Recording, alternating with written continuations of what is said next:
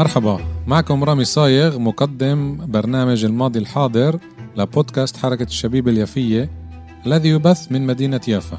برنامج الماضي الحاضر سيشبك بين أحداث تاريخية وبين واقعنا الحالي الذي نعيشه بشكل خاص في البلاد وفي الوطن العربي بشكل عام. سأستضيف من خلال البرنامج شخصيات يافوية وفلسطينية للبحث في هذه الأحداث.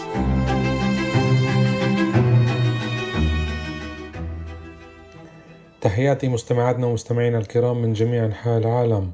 حلقة جديدة من برنامج الماضي الحاضر. وراء الميكروفون رامي صايغ. اليوم رح أحكي لكم عن التسلسل اللي رح يكون ببرنامجي. بالثلاث حلقات القريبة رح أوسع عن موضوع كتير كتير مهم اللي هو الكرة العربية الفلسطينية المندثرة قبل النكبة. بسبب الموضوع وأهميته وبسبب كثرة المعلومات رح أقسم الحلقة لثلاث أجزاء. اليوم رح تسمعوا الجزء الأول وطبعا بالمستقبل القريب رح يتم نشر الجزء الثاني والثالث حسب الترتيب التاريخي. المعلومات اللي حصلت عليها من الموسوعة الفلسطينية تحكي عن الكرة الفلسطينية اللي تهجرت قبل ما تصير النكبة. ورح أقرأ لكم من المصدر كمان لنقدر نفوت على عمق الموضوع لنفهم الكارثة اللي حصلت ما قبل الكارثة أي ما قبل النكبة. المصدر بقول هيك تعمل الكوارث الطبيعية التي تتعرض لها بعض المناطق في العالم على تدمير القرى وإخلاءها من سكانها. ولكن فلسطين تعرضت لنكبة غير طبيعية.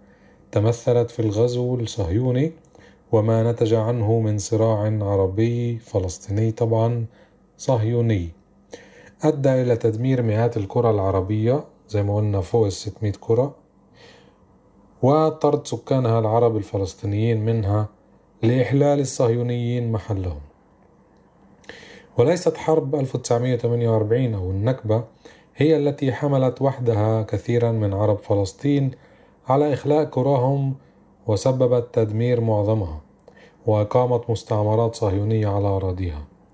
فلم تكن الحرب إلا حلقة من حلقات الصراع العربي الفلسطيني الصهيوني على فلسطين والمؤامرة التي تعرض لها شعب فلسطين منذ أواخر القرن التاسع عشر ولا تزال تنفذ بنودها حتى اليوم. وكان صق الانتداب البريطاني على فلسطين هو التطبيق العملي لوعد بلفور أي عام 1922 صك الانتداب بأكد وعد بلفور اللي كان عام 1917 فقد ساهمت سلطة الانتداب أو الاحتلال البريطاني بالتواطؤ مع الصهيونية في تهجير السكان العرب الفلسطينيين من قراهم التي كانت تقوم في أفضل بقاع فلسطين لتقدم على أنقاضها المستعمرات الصهيونية. طبعا فيش حاجة نوسع دايما بنقولها الاحتلال البريطاني كان مع توجه صهيوني وجزء من أعضائه بالإدارة كانوا كمان من الحركة الصهيونية. التوزيع الجغرافي للكرة العربية الفلسطينية المندثرة قبل عام 1948 بقولنا المصدر ارتبط توزيع الكرة العربية الفلسطينية المندثرة أثناء فترة الانتداب البريطاني بالمناطق التي تمت فيها صفقات بيع الإقطاعات الواسعة من أراضي فلسطين على يد السماسرة وكبار الإقطاعيين وقد بيعت هذه الأراضي الخصيبة إلى مؤسسات صهيونية متخصصة في شراء الأراضي التي قام عليها الاستيطان الصهيوني في مراحله الأولى. يعني الجمعية اليهودية للاستعمار في فلسطين والكيرن كيامت وكيرن هيسود اللي تأسسوا أواخر القرن التسعة عشر وأوائل القرن العشرين. وارتبط التوزيع أيضا بمناطق الامتيازات التي حصل عليها الصهيونيين أو الصهيونيون في فلسطين من سلطة الانتداب البريطاني وهي مناطق تتميز بخصب أراضيها كسهل الحولة وسهل عكا وسهل مرج بن عامر وسهل بيسان ووادي الحوارث. وقد اضطر السكان العرب الفلسطينيين في القرى الواقعة ضمن الأراضي المبيعة للصهيونيين أو الممنوحة لهم إلى إخلاء قراهم تحت ضغط شديد من سلطة الاحتلال البريطاني فقام الصهيونيون بتدميرها وإنشاء مستعمرتهم عليها.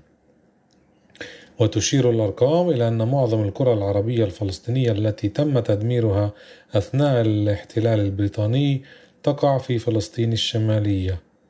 وقد اندثرت قرابة ستين قرية عربية في فلسطين حتى أوائل عام 1945 موزعة على عدة أقضية. بدي أعطي ملاحظة صغيرة هنا بنفكر إنه بالانتداب هو الأولاني اللي أعطى الإذن والتصريح للصهيوني يجي ويستوطن فلسطين. هنا الغلط وإحنا بنوقع فيه دايما. بكتاب راح أعمل عنه حلقة إن شاء الله بالمستقبل القريب عن دور السلطان عبد الحميد الثاني في تأسيس المستعمرات والمستوطنات الفلسطينية.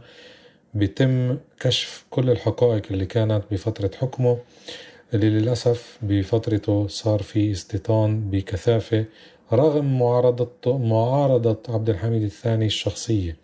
هذا رح يكون بتوسع بحلقة أخرى عن بيع الأراضي بفلسطين لوكالات يهودية وشركات صهيونية تحت غطاء آه، الامتيازات اللي كانت لصالح الأجانب من قبل الدول الأوروبية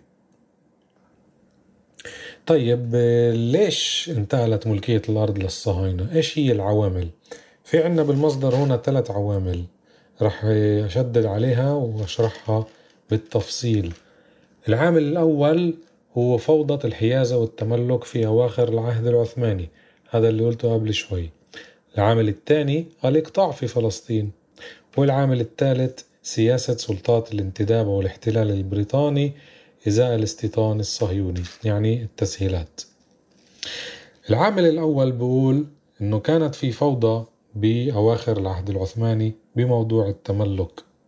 صحيح انتشر الفساد بين موظفي السلطات العثمانية حتى صار بمقدور أصحاب النفوذ من الأفراد والأسر والهيئات نقل ملكية أي مساحة من الأراضي الحكومية التي هجرها الفلاحون مقابل مبالغ مالية بخسة بعد استرضاء المسؤولين بين موظفي الدولة.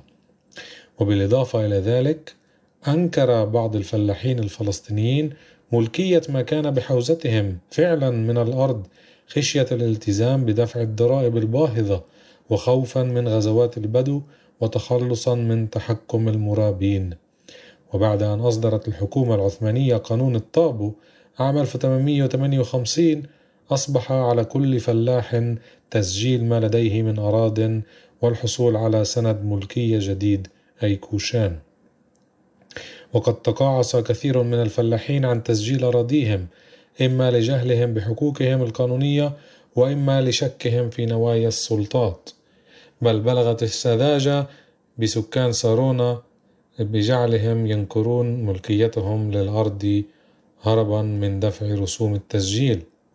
وكانت غالبية الملاكين عند التسجيل تعطي بيانات بمساحات أقل بكثير من حيازاتهم الحقيقية مما أحدث أخطاء فاحشة في قيود الأراضي لدى دوائر التسجيل.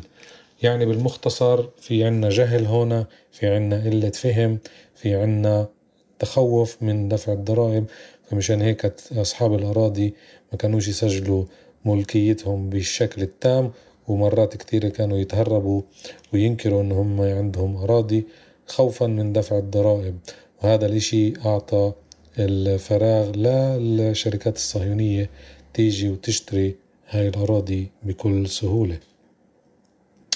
السبب الثاني اللي خلى الأراضي تنتقل لملكية الصهاينة هو الإقطاع بفلسطين.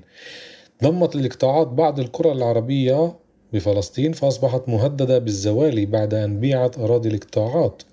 وهكذا تحكمت فئة من الإقطاعيين في مقدرات القرى العربية بكاملها في سهل الحولة وسهل مرج بن عامر وغيرهما من الأماكن. ومع اشتداد تيار الهجرة الصهيونية وزيادة الطلب على الأرض وارتفاع أسعارها تورطت بعض العائلات العربية الكبيرة في عقد صفقات لبيع أراضيها للصهيونيين. وكانت هذه العائلات الإقطاعية تبيع الجمعيات الصهيونية التي تشرف على شراء الأراضي في فلسطين جزءا من أراضيها الواسعة بصورة مباشرة أو غير مباشرة. طبعا برجع بشدد وإحنا ذكرنا ببرامجنا إن كان صالون رشا أو برنامجي الماضي الحاضر عن بيع الأراضي من قبل العرب غير الفلسطينيين اللي تملكوا أراضي بفلسطين بالعصور القديمة وبعدين آه، باعوا هاي الأراضي للشركات الصهيونية. على سبيل المثال عيلة سرسك اللي باعت 400 ألف دنم بمرج بن عامر عيلة التويني اللبنانية عيلة الصباغ قباني وغيرهم. يعني هذا السبب الثاني لتملك لسهولة تملك اليهود الصهاينة بشراء أراضي بفلسطين لأنه كثير من الأراضي كانت تحت حكم أو تحت ملكية إقطاعيين يعني أصحاب أراضي هائلة. يعني اللي كان عندهم مئات آلاف الدنومات بفلسطين. السبب الثالث اللي سهل على الصهاينة هو سياسة الاحتلال البريطاني. زي ما قلنا البريطانيين إجوا هنا ليطبقوا وعد بلفور فآلت جميع الأراضي التي كانت بحوزة الحكومة العثمانية إلى إدارة الانتداب البريطاني على فلسطين في مطلع العشرينات. وعندما عين هربرت سامويل يهودي الأصل أول مندوب سامي على فلسطين منح الصهاينة 175 ألف دنم من أخصب أراضي الدولة قرب قيصاريا وعتليت على الساحل بين حيفا ويافا. أتبعها بعد ذلك بدفعة ثانية مقدارها 75 ألف دنم على البحر الميت لإقامة مشروع شركة البوتاس الفلسطينية. وتكررت هباته السخية من الأراضي الساحلية الخصبة حتى بلغ مجموع ما منح الصهيونيين أو نقل إليهم من أراضي الدولة نحو مليون وربع من الدنومات أي 58% من مجموع الأراضي التي كان يملكها الصهيونيين عام 1948 فالمساحات التي تحولت إليهم حتى كيان قيام كيانهم وصل ل 2.1 مليون دنم من 27 مليون دنم مساحة فلسطين التاريخية. وتجدر الإشارة إن إلى أن سلطة الانتداب سنت قانونا للأراضي اشتمل على البنود التالية. يعني شوفوا كيف السهولة بتصير بتسلسل تاريخي وبكل الإمكانيات المتاحة لتحويل ملكية الأراضي آه، خاصة بفترة الاحتلال البريطاني وما قبل طبعا زي ما قلنا. إيش القانون البريطاني قال؟ يحرم على الملاكين الذين لا يسكنون فلسطين استغلال أراضيهم. وكانت هناك إقطاعات واسعة تملكها. عائلات لبنانية وسورية تقيم في بيروت ودمشق وهذه الإقطاعات التي كانت من أجود الأراضي هي استهدفها القانون زي ما قلنا بالسبب الثاني اللي آه، بقول عن أسباب انتقال ملكية الأرض للصهاينة. فبيجوا الإنجليز وبسنوا قانون يمنع السوريين واللبنانيين إنه يستغلوا أراضيهم بحال وهم موجودين بسوريا وبلبنان. وطبعا هذا الإشي كان آه، مطابق للواقع لأن السوري واللبناني ما قدرش يفوت فلسطين بفترة الاحتلال البريطاني لفلسطين. اثنين تحول أو تحول الأراضي الأميرية المشاع ومساحتها قرابة 12 مليون دنم يعني تقريبا تلت فلسطين. شوي أكتر. إيه إلى أرض ملكية تخضع لتصرف حكومة الانتداب والهدف من ذلك إتاحة المجال المتسلل الصهيوني إليها. تخيلوا 12 مليون دنم هذا بجرة قلم تحول ل حكومة الانتداب البريطاني كمان قانون بيقول يحق لحكومة الانتداب نزع ملكية الأرض وبموجب هذا الحق تمكنت الصهيونية من الاستيلاء على أراض هامة بمساعدة السلطة الحاكمة التي مارست هذا الحق لتجديد الضغط على أصحاب الأرض العرب يعني القانون الانتدابي اللي بيستعملوه اليوم سلطات الاحتلال بفلسطين هو المصادرة مصادرة الأراضي تحت حجج وهمية طبعا. هذا بدأ بفترة الحكم البريطاني لفلسطين. أربعة تخضع الأرض البور غير المستغلة لما تقضيه المصلحة التي تحددها إدارة الانتداب. وقد استغل هذا النص استغل هذا النص للاستيلاء على مساحات كبيرة من الأرض وإعطائها الصهيونيين بحجة أنها لم تكن تستغل. يعني باختصار كمان هدية للحركة الصهيونية. وذهبت سلطة الانتداب إلى أبعد من ذلك فعملت على وضع الفلاحين العرب الفلسطينيين أصحاب الأرض في ظروف سيئة بقصد إرغامهم على بيع أراضيهم. ومن الأعمال التي مارستها السلطة البريطانية بهذا الصدد. يعني كمان عملوا قوانين كمان سلموا أراضي وكمان ضايقوا الفلسطيني الفلاح صاحب الأملاك صاحب الأراضي. فإيش الخطوات الثلاثة اللي عملوها الإنجليز؟ هلا بنسمع. أولا إجبار الفلاحين العرب على دفع الضرائب المتراكمة عليهم. دفعة واحدة. رغم أن الإنتاج الزراعي لم يكن في مستوى تحمل هذه الأعباء يعني تعجيز بكل معنى الكلمة. معهم مش يدفعوا طلبوا منهم السلطات البريطانية يدفعوا الديون مرة واحدة عشان يضطر العربي الفلسطيني يبيع أرضه للسلطة الحاكمة. اثنين حرمان الفلاحين العرب الفلسطينيين من مقومات الإنتاج الرئيسة كترك الكرة العربية بدون طرق معبدة. طبعا هذا الإشي كان قبل من وقت الحكم العثماني والإنجليز ما همهمش كملوا هذه السياسة مما أدى إلى عزلها عن المدن وعن بعضها. يعني الكرة بطلت من البداية مش مشبوكة مع بعض بطرق معبدة ومش مشبوكة مع المدن اللي حواليها. وإلى تعريض الإنتاج الزراعي للتلف والكساد بسبب عجز الفلاحين عن إيصال إنتاجهم إلى الأسواق. يعني بس كرة معينة كان لها الحظ إنه تشبك مع كرة تانية بالموضوع الاقتصادي والتجاري وتشبك مع مدن بس مش كل الكرة لأنه كان عندنا إيه، مئات القرى الفلسطينية المحرومة من هذا الشيء السياسة الثالثة هي حرمان الكرة العربية الفلسطينية من التعليم والرعاية الصحية بقصد إبقاء الفلاحين العرب الفلسطينيين وهم غالبية السكان بفلسطين وراء أسوار التخلف. لما كنا نذكر عن القرى الفلسطينية المهجرة بعد النكبة كنا نذكر كمان عن عدد المدارس وكنا نشوف إنه العدد ما كانش كفاية حتى لو كانت قرية كبيرة. وهذا الإشي طبعا معروف من سلطات الاحتلال البريطاني اللي كان لها هدف اللي هو تجهيل الفلسطيني إذا كان بالقرية أو إذا كان بالمدينة.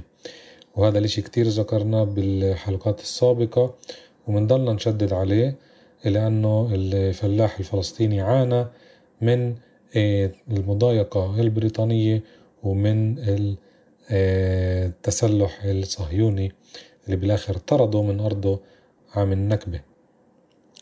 فهاي الثلاث آه، آه، أعمال اللي قامت بها سلطات الاحتلال البريطاني عشان تخلي الفلاح الفلسطيني يترك أرضه ويضطر يبيعها وتصير الفرصة متاحة للصهاينة اللي من زمان.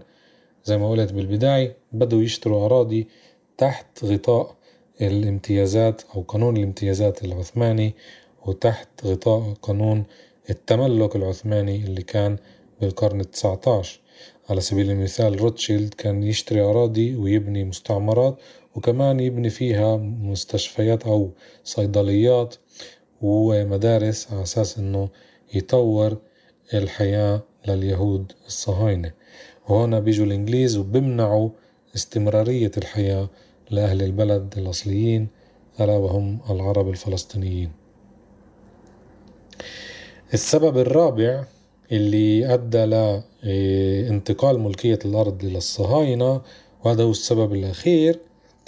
بيقول هيك سياسة الاستيطان الصهيوني. أخذت الصهيونية تسعى منذ أواخر العهد العثماني وطوال فترة الانتداب البريطاني للحصول على الأراضي العربية الفلسطينية بشتى السبل.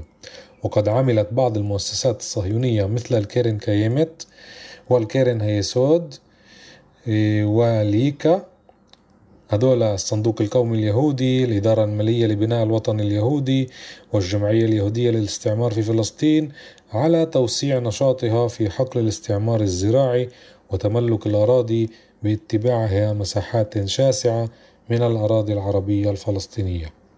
على سبيل المثال اليوم 2023 الكيرن كايمة تمنع بيع آه، أراضي من الأراضي اللي اشترتها أو كمان من الأراضي اللي سرقتها بعد النكبة لأنه مش كله تم شراءه. بعد النكبة أخذوا الإشي آه، مجاني طبعا بعد طرد أهل القرى والأراضي.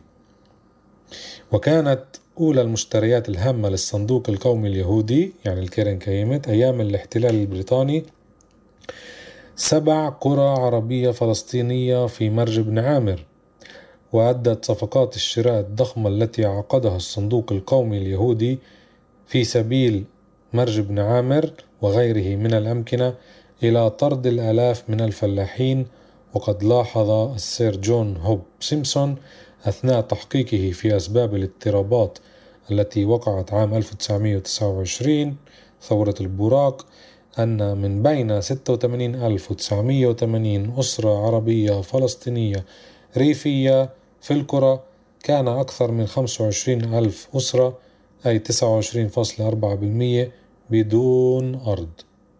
تخيلوا هاي المعطيات جماعة مستمعاتنا ومستمعينا الكرام ما قبل النكبة كيف كان المخطط واضح ويعمل بشكل سريع ومتسارع.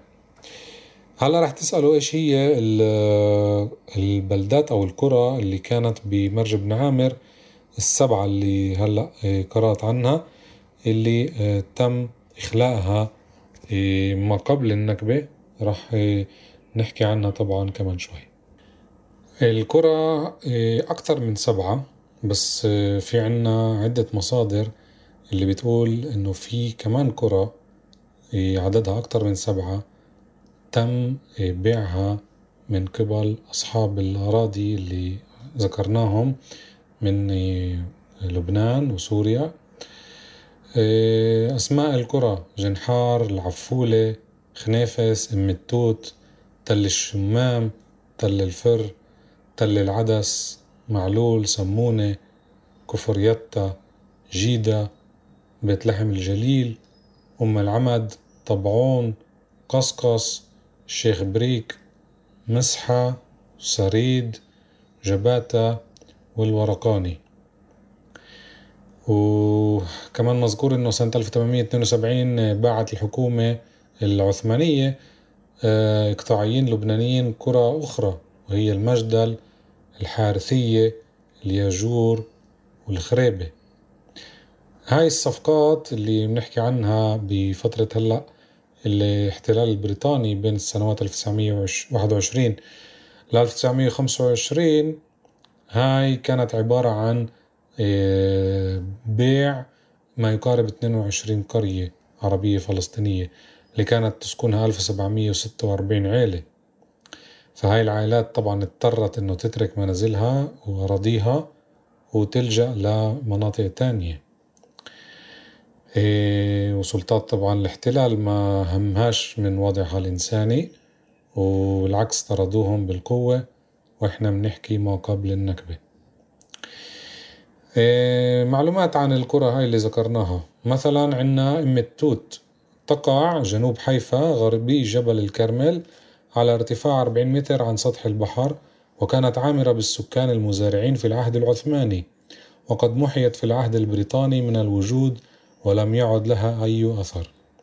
القرية الثانية تل الشمام تبعد قرابة 23 كيلومتر إلى الجنوب الشرقي من مدينة حيفا وكانت محطة على الخط الحديدي الحجازي بين حيفا والدرعا وهي من قرى مرج بن عامر يمر نهر المقطع بجنوبها الغربي على بعد 1.25 كيلومتر وإلى الشرق منها بئر ماء وقد باعت الحكومة العثمانية عام 1869 أراضي القرية إلى تجار من بيروت فباعها هؤلاء إلى الصهيونيين فيما بعد. وكان عدد سكانها 72 عام 1932 وأقام الصهيونيون عام 1927 موشاف كفار يهوشوع. الذي زاد عدد أفراده تدريجيا حتى أصبح 655 نسمة عام 1970 القرية اللي بعدها هي جباتا قرية عربية جنوب غرب مدينة الناصرة. يرجح أنها تعود في شأنها إلى العهد الروماني.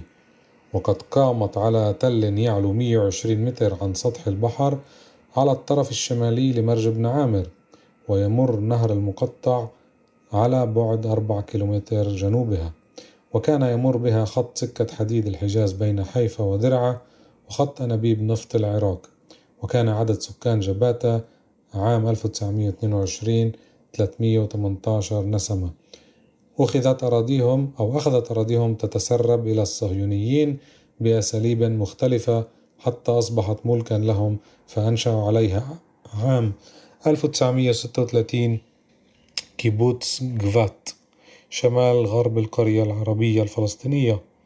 وأما البقية الباقية من العرب الفلسطينيين فقد رحلت عنها فاندثرت القرية. وتزايد سكان الكيبوتس من 30 نسمة عام 1931 إلى 630 نسمة عام 1970 القرية اللي بعدها هي قرية جيدة. تقع جنوبي شرق مدينة حيفا عند الطرف الشمالي الغربي لمرج بن عامر على ارتفاع 100 متر. وفيها بئران وخزانان للماء لاستعمال أهل القرية الذين بلغ عددهم 337 نسمة عام 1922 وكانت الحكومة العثمانية قد بايعت عام 1869 أراضي جيدة لتجار من بيروت فقاموا ببيعها للصهيونيين. وأخليت من سكانها العرب نهائيا في عام 1945 بمساندة السلطات البريطانية وأقام الصهيونيون على أراضي جيدة مستعمرة رماتي شاي منذ عام 1925 ثم أزالوا معالم القرية العربية الفلسطينية. القرية اللي بعدها هي الحارثية تقع جنوبي شرق حيفا ويمر خط سكة حديد درعا حيفا على بعد نحو كيلومتر غربها. وهي على تل يرتفع 75 متر عن سطح البحر في موقع استراتيجي بين سهل عكا ومرج بن عامر. وقد باعت الحكومة العثمانية أراضي الحارثية إلى بعض تجار بيروت عام 1872 ثم باعها بدورهم إلى الصهيونيين الذين أقاموا عام 1935 سكان القرية كيبوتس شاعر إيه عمكيم الذي بلغ عدد سكانه 580 نسمة عام 1970 في عنا كمان قرية سمونية من قرى قضاء الناصرة تبعد إلى الغرب منها 13 كيلومتر وتقع في الطرف الشمالي لسهل مرج بن عامر عند أقدام جبال الجليل الأدنى على ارتفاع 125 متر عن سطح البحر. وقد باعت الحكومة العثمانية عام 1860 أراضيها إلى بعض تجار بيروت فقاموا ببيعها للصهيونيين الذين أقاموا معبرة شيمرون غرب موقع القرية الفلسطينية عام 1948 وقد انقلبت المعبرة عام 1951 إلى كيبوتس. القرية الأخيرة واللي آه، كتير حابب أشدد عليها هي قرية الفولة. كانت الفولة إحدى قلاع فلسطين أثناء الحروب الصليبية وتقع في قضاء الناصرة جنوبي مدينة الناصرة على مسافة 15 كيلومتر في مرج بن عامر وعلى ارتفاع 85 متر عن سطح البحر. وقد باعت الحكومة العثمانية أراضي الفولة إلى عدد من تجار بيروت الذين قاموا ببيعها للصهيونيين عام 1910 وفي العام التالي أنشئ كيبوتس مرحافيا فأخذ يتسع تدريجيا حتى أزيلت القرية العربية الفلسطينية نهائيا وبلغ عدد صهيونيو صهيونيي مرحافيا 125 نسمة عام 1922 وتزايد عام 1965 إلى 810 نسمات فيهم سكان مشاف مرحافيا الذي أسس في عام 1922 وقد دمر الثوار العرب الفلسطينيون كيبوتس مرحافيا أكثر من مرة ثم عيد بناؤه عام 1929 وطبعا المصدر مش مكمل بس الفولة هي القرية العربية الفلسطينية اللي على أنقاضها تم بناء مستعمرة العفولة. زي ما سمعتوا مش صدفة أنا قرأت هدول القرى اللي موجودين كانوا. للأسف كانوا موجودين بمرج بن عامر مش عامرين يعني. إيه نفس التسلسل تم بيعها من قبل السلطات العثمانية الاحتلال العثماني وبعدين تم بيعها للحركات الصهيونية. يعني قبل ما يجي الإنجليزي تم بيع أراضي فلسطينية للصهاينة. هذا اللي قلته ببداية الحلقة. مقدمة ل إن شاء الله حلقة جديدة عن دور السلطان العثماني عبد الحميد الثاني بشراء أراضي فلسطينية من قبل الصهاينة. بأمل إنه حلقتنا اليوم كانت مفيدة ومهمة. أنا بعرف إنه في مصادر متواجدة بالمواقع بالإنترنت بكافة اللغات. بس دايما لازم نشدد على المصادر الموثوقة طبعا وهاي المصادر اللي قرأت لكم عنها زي ما قلت من الموسوعة الفلسطينية. طبعا زي ما قلت من كتر المعلومات الموجودة راح أسجل كمان حلقتين إن شاء الله بالمستقبل القريب. شكرا لحسن استماعكم. بحب تسمعونا على تطبيقاتنا المختلفة. إحنا عندنا أكتر من أربع تطبيقات. بس دايما نذكر الأربعة المهمين Apple Cast Google Cast Spotify و Podbean وإحنا متواجدين كمان على الإنستغرام كصفحة حركة الشبيبة اليافية وبودكاست حركة الشبيب اليافية ونفس الإشي كمان موجودين على الفيسبوك بصفحتين حركة الشبيب اليافية وبودكاست حركة الشبيب اليافية اللي بيوزع كتير بالمنصات الإلكترونية حلقاتنا من قبل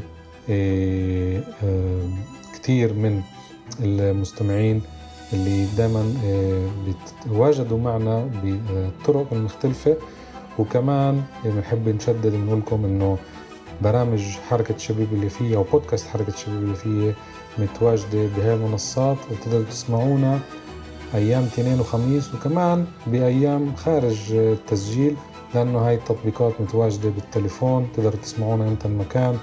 حاليا إحنا عنا برامج ثابتة أيام اثنين وخميس. كل يوم تنين عنا برنامج صالون رشا لزميلتنا رشا بركات الكاتبة والناشطة الفلسطينية ابنة مدينة يافا.